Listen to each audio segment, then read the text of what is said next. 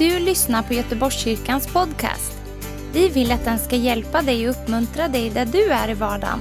Vill du veta mer om oss så gå in på www.goteborgskyrkan.se.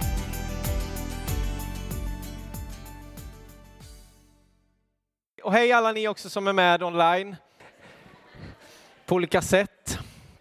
Det ska bli roligt att få predika, undervisa en liten stund för er. Vi har ju hållit på nu vecka efter vecka efter vecka i Apostlagärningarna och det har varit så intressanta veckor. Och gräva, och vi kom ända i mål. Till och med kapitel 28. Och nu fortsätter vi med kapitel 29 som vi brukar säga, kapitel 30. Vi fortsätter ju Apostlagärningarna, församlingens historia. Den pågår ju nu, i detta nu. Men nu ska vi gå över i nästa bibelbok eh, och det är eh, boken efter Apostlagärningarna i Nya Testamentet och det är då alltså, ska ni vara med och säga, Romarbrevet. Så nu dyker vi in i Romarbrevet och du får gärna slå upp Romarbrevet 1. Lite bakgrunds, snabb bakgrundsfakta är alltid bra om Romarbrevet då. Eh, det är Paulus som skriver Romarbrevet och han skriver det till församlingen i Rom. Och lite kort sammanfattat syfte då med Romarbrevet får jag förmånen att ta här nu eftersom det är första gången vi går in i Romarbrevet. Det är att Paulus vill presentera sig för de kristna i Rom och ge en sammanfattning. Eller lite smakprov helt enkelt. Delar av det budskap som han har och som han vill dela när han kommer komma dit också personligen. Och det skrevs, eh, man tror, ungefär år 57 eh, i Korint. Och det här är slutet av Paulus tredje missionsresa. Och han, han håller på att förbereda sig för att åka till Jerusalem med eh, en gåva som är insamlad till, till de som hade ekonomiska behov och hjälp där. Och som ni förstår då, som inte jag har tänkt på innan faktiskt, men vet, man börjar läsa och studera så här i ett brev så, så inser man ju saker som man bara gått förbi. Paulus har ju inte varit i Rom innan, eller i, i, ja, i Rom eller i den församlingen. Det var människor som han inte hade träffat. Men han hade hört talas mycket om eh, de troende och det kommer vi läsa mer om här sen senare. Och det verkar inte heller som att någon annan av apostlarna heller hade varit där. Och man tror att församlingen i Rom att den grundades av judar som kom till tro under pingstdagen. Och andra som har tagit emot evangeliet och liksom rest till Rom och på så sätt startat en församling, en kristen församling där på den platsen. Och, och några av dem det är bland annat Priska och Aquilla som vi också läste om tidigare, Apostlagärningarna 18. Men nu ska vi dyka in i de här första verserna och vi läser de sex första till att börja med.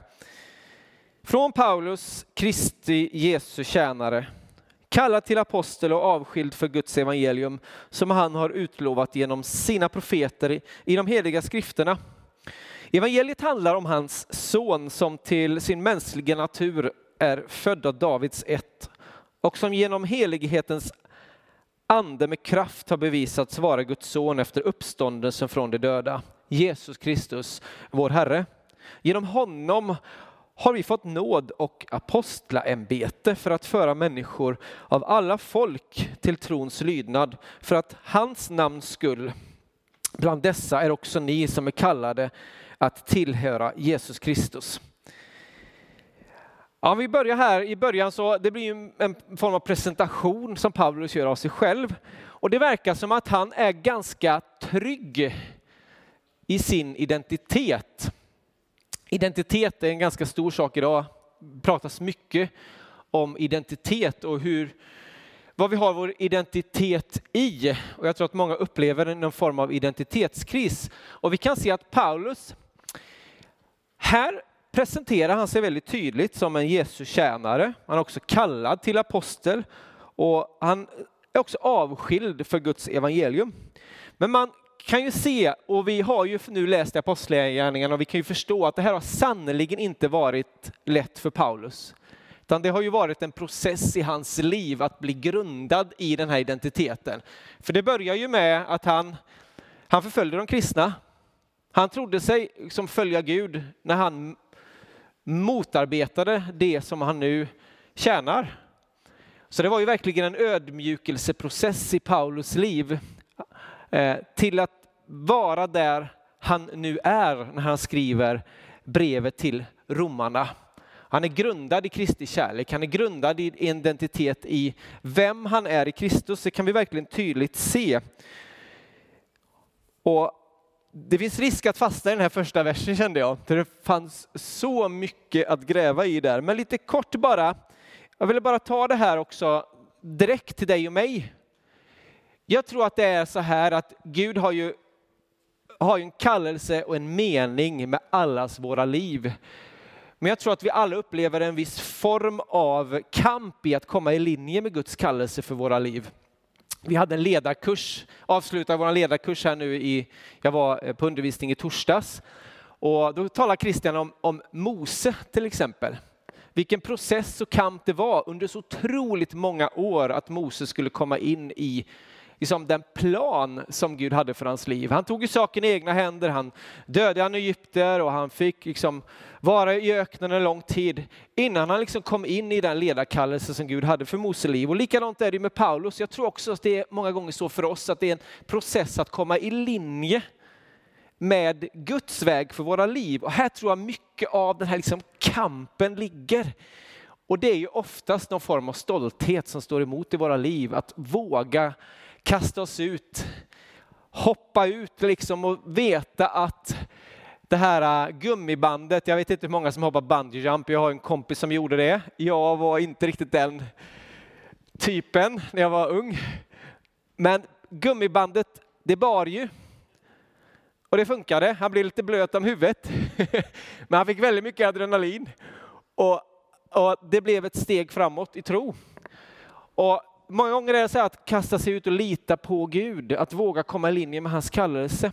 Och här kan vi se att Paulus, han, han har liksom gjort det.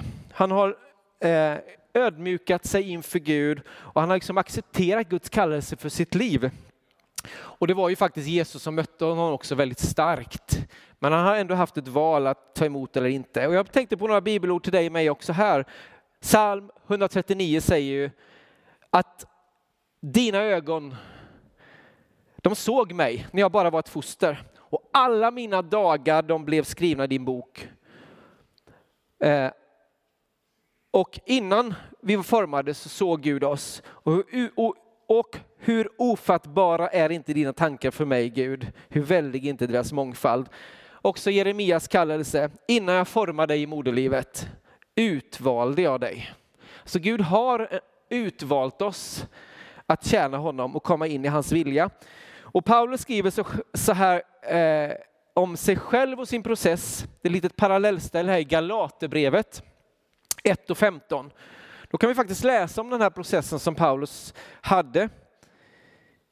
Men han som utvalde mig redan i moderlivet och som kallade mig genom din nåd beslöt att uppenbara sin son i mig för att jag skulle förkunna evangeliet om honom bland hedningarna. Här kommer ju kallelsen till Paulus. Då rådfrågade jag inte genast människor av kött och blod, jag gick inte upp till Jerusalem till dem som var apostlar före mig, utan begav mig till Arabien och återvände sedan till Damaskus. Först tre år senare kom jag upp till Jerusalem för att lära känna Kefas och jag stannade hos honom i 15 dagar. Och så fortsätter den här processen som han var inne i, att liksom överlåta sitt liv och till Guds väg. Och sen kan vi också läsa i Apostlagärningarna 1 och 15. Det är helt okej okay om ni inte hinner slå upp här nu, jag, jag citerar bara. Så häng gärna med om det kommer på skärmen här däremot.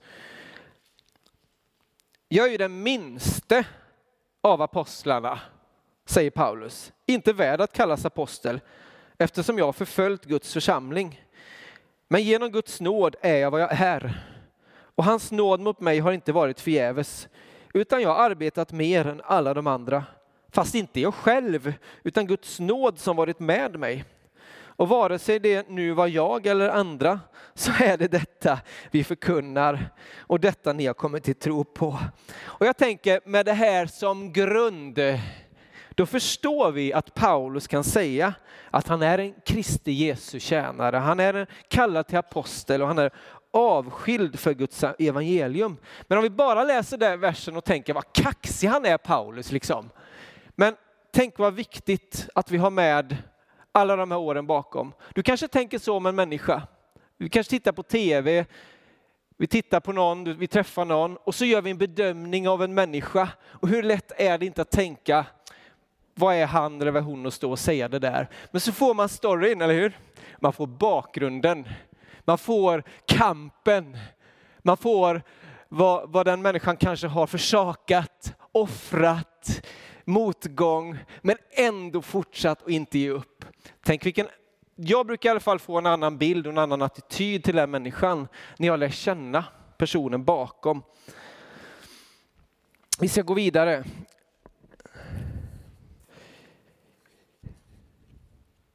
Ja, jag vill bara säga också just det här med att vara en tjänare. Jag fastnar lite vid den här versen, men jag lovar att det ska gå snabbare sen. Jag komma vidare. Jag tycker ändå det är starkt att Paulus börjar med att han är en tjänare. Och i första Korintierbrevet säger han att han är att fri oberoende av alla har jag gjort mig till allas tjänare för att vinna desto fler.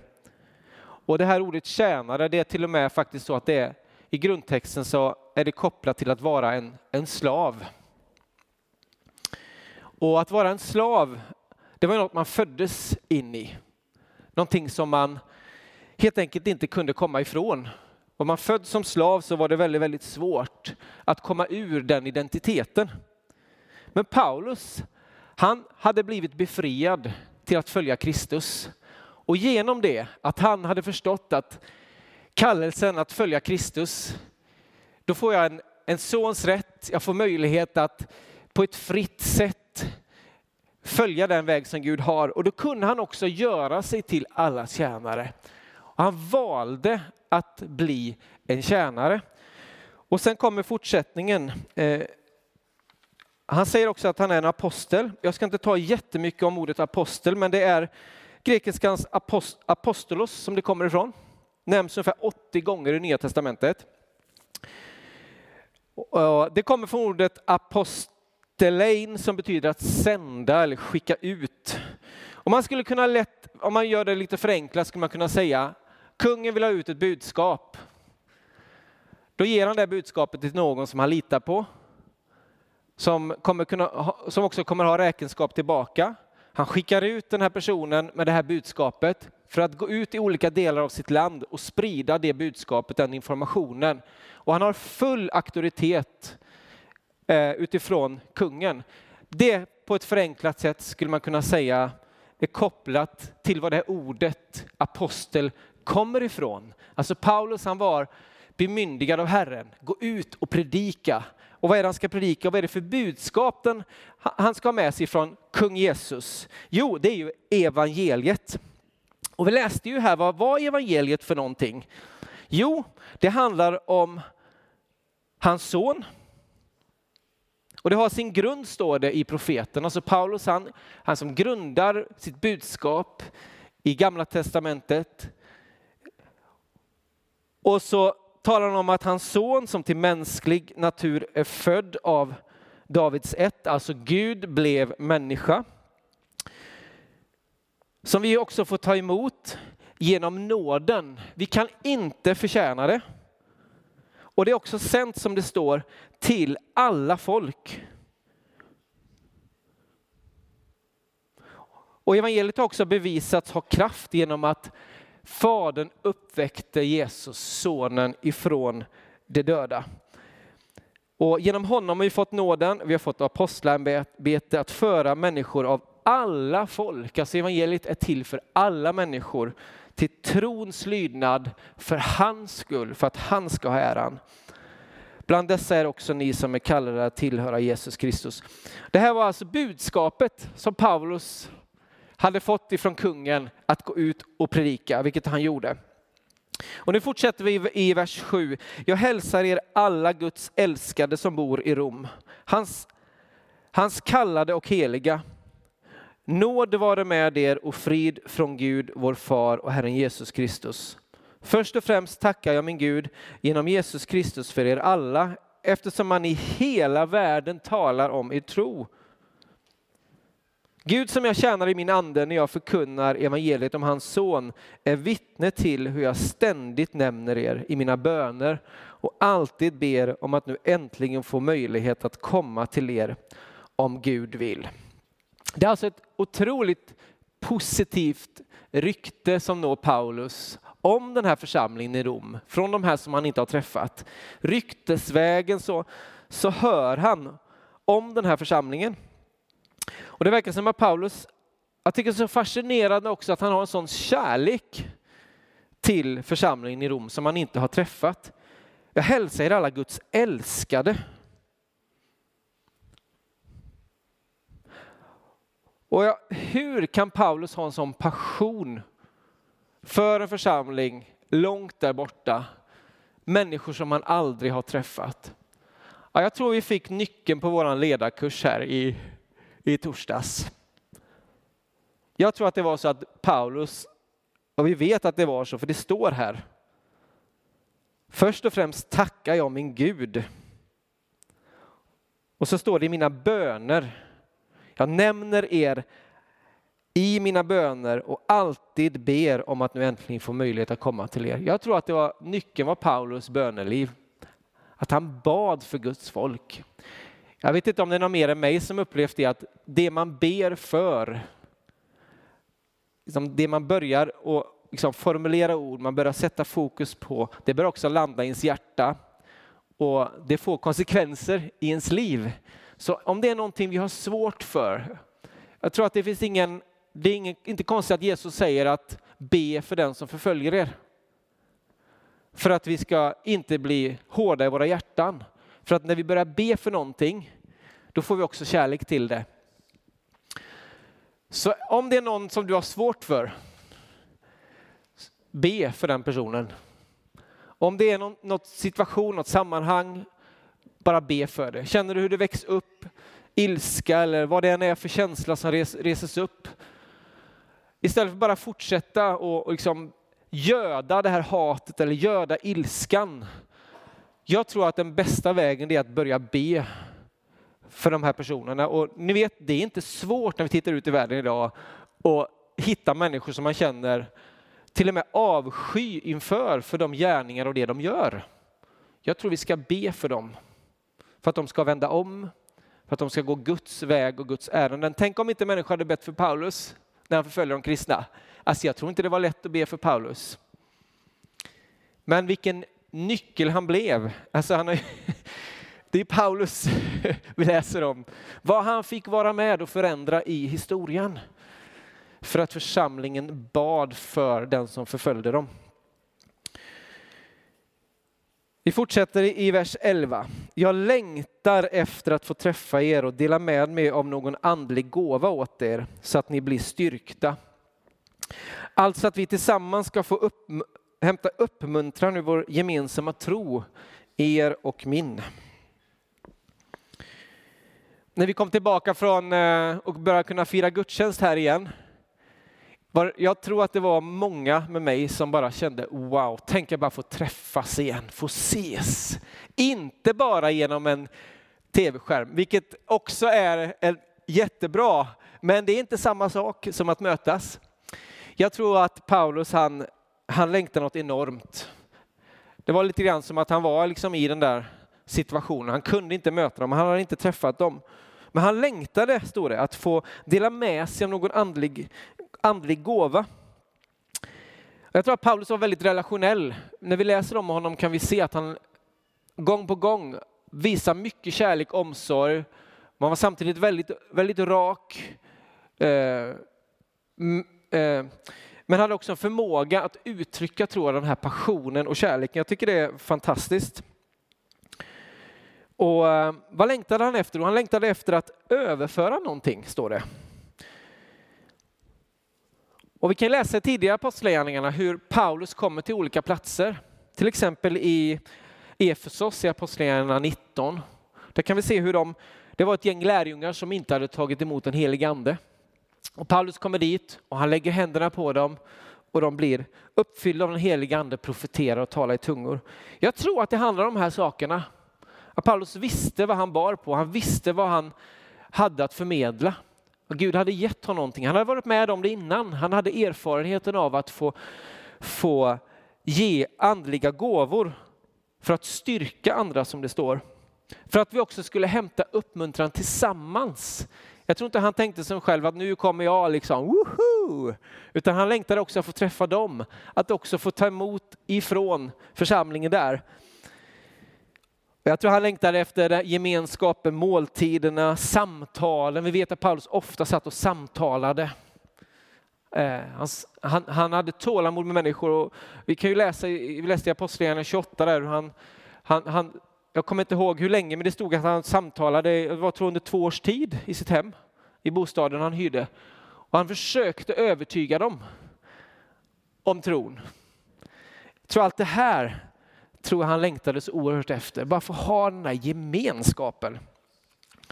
Och det är därför som vi passar på när vi har läger som kyrka eller när vi har församlingsdagar att göra allt det där. Vi vet, det här är ju jättebra, men vi behöver också komma samman. Vi har våra husgrupper, vi delar livet i gemenskapen. Det var så gott i tisdags, vi hade vår husgrupp på Zoom i tisdags, så vi kunde, kunde dela saker i livet. Liksom, där vi är, det vi behöver, känna att någon annan står med och be för. Och så bad vi och vi bara kände hur Guds närvaro kom där över Zoom. Och vi blev förnyade och fyllda och, kände att wow, vi kan gå vidare tillsammans. Alltså det där, wow, det är så viktigt. Det längtade Paulus efter, att få uppleva tillsammans med församlingen i Rom. I vers 13 står det, bröder, jag vill att ni ska veta att jag många gånger har bestämt mig för att komma till er och skörda någon frukt bland er, liksom bland andra folk. Men hittills har jag varit förhindrad. Ja, vet, det är många gånger man bestämmer sig för grejer, eller hur? Nyårsafton. jag har bestämt mig. det här var ju en positiv grej. Paulus hade bestämt sig, nu ska jag åka. Jag vet att eh, några i församlingen här har bestämt sig för att åka på missionsresa för inte så länge sedan. Men vi lever ju i en värld med olika omständigheter. Pandemin satte käppar i hjulen. Och vi får bara lita på att Gud har tajmingen. Det kanske inte var tajming heller.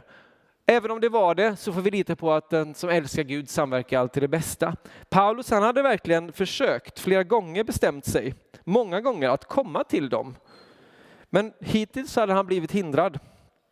Och vi vet sen, eh, vi kan förstå att det tog ungefär en tre år från när han skriver det här innan han kom till Rom. Så till och med när han skriver det här och han hade försökt flera gånger så fick han vänta ytterligare tre år. Och jag, jag tror att vi kan känna igen oss. Vi tänker att nu är väl ändå dags, nu är det väl ändå tid. Men på olika sätt så hindras vi. Och jag tror att vi, det är så viktigt att vi ger tidsplanen till Gud och litar på att han har tajmingen och han har bästa tidpunkten för olika saker i våra liv. Men ibland är det också motstånd och då tror jag att vi ska liksom be bort motståndet. Vers 14. Jag har skyldigheter både mot greker och barbarer, både mot lärda och olärda. Därför är det min önskan att få predika evangeliet också för er i Rom. Alltså, han, eh, han visste att, att Abrahams löfte att alla folk ska få bli välsignade, det var det uppdrag han hade fått. Evangeliet, det var till alla folk. Och genom Israels folk här nu så hade de här löftena gått i uppfyllelse genom Jesus. Så att alla folk ska kunna få del av den, den välsignelse. Och vi har också Jesu missionsbefallelse, gå ut och gör alla folk till mina lärjungar.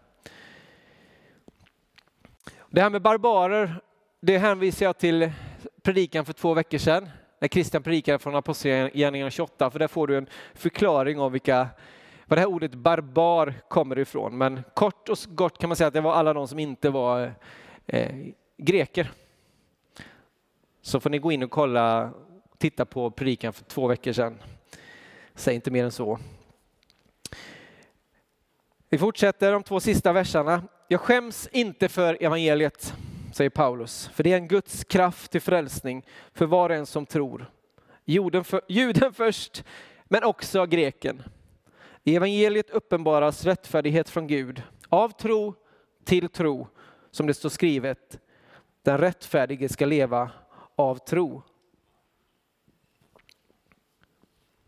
Man kanske tänker att Paulus han borde skämmas så mycket dumt som han hade gjort. Han släpade ut människor, står det, för att de skulle bli stenade. Och han hade med sin fullmakt från översteprästen om att döda de, de kristna. Men han visste att han hade fått en ny fullmakt, det här apostluppdraget. En fullmakt ifrån Jesus när Ananias lade händerna på honom och han fick sin kallelse att gå ut och predika evangeliet. Jag tror att det här kan också vara en kamp. Vi kan tänka på gamla liv och vi kan skämmas och vi kan tänka, jag är verkligen värdig? Jag Är verkligen värdig att predika evangeliet? Men det här är en uppmaning till dig och mig. Vi ska inte skämmas för evangeliet. För det är en Guds kraft. Det är inte vår kraft utan det är Guds förvandlade kraft som förvandlar våra liv. Och Paulus han visste också att han hade fått mycket, mycket förlåtet. Därför kunde han också säga det här. Det var genom Guds nåd som han hade fått ta emot förlåtelse och det var genom Guds nåd som han gick i den kallelse som han hade.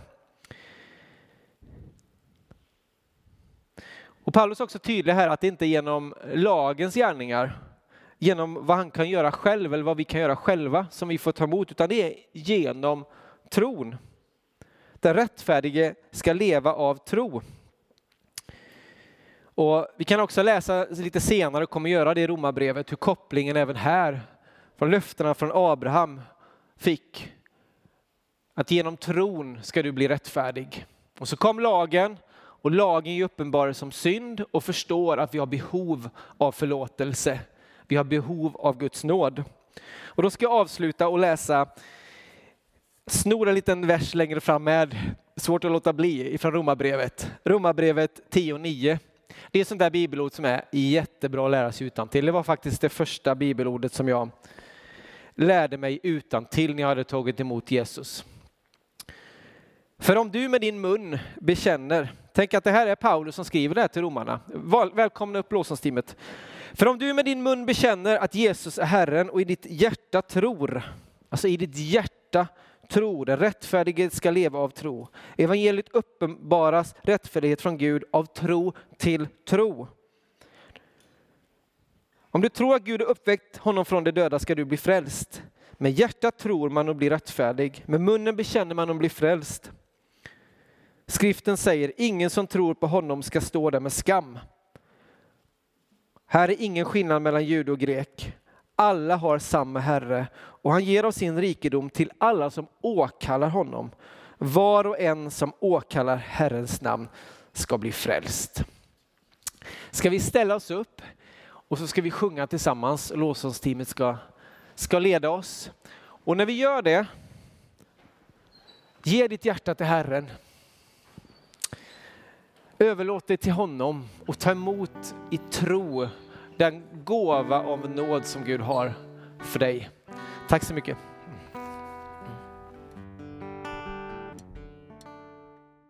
Jag läser i, i de verserna som Boris går igenom. Så står det i vers 11 i Romarbrevet 1.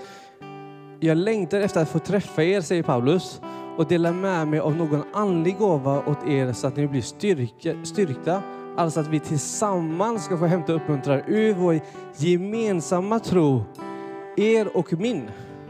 Så Paulus är där med ett syfte och med ett uppdrag att påminna oss om de gåvorna vi har, ge oss gåvor, lägga händerna på oss, smörja oss. Varför?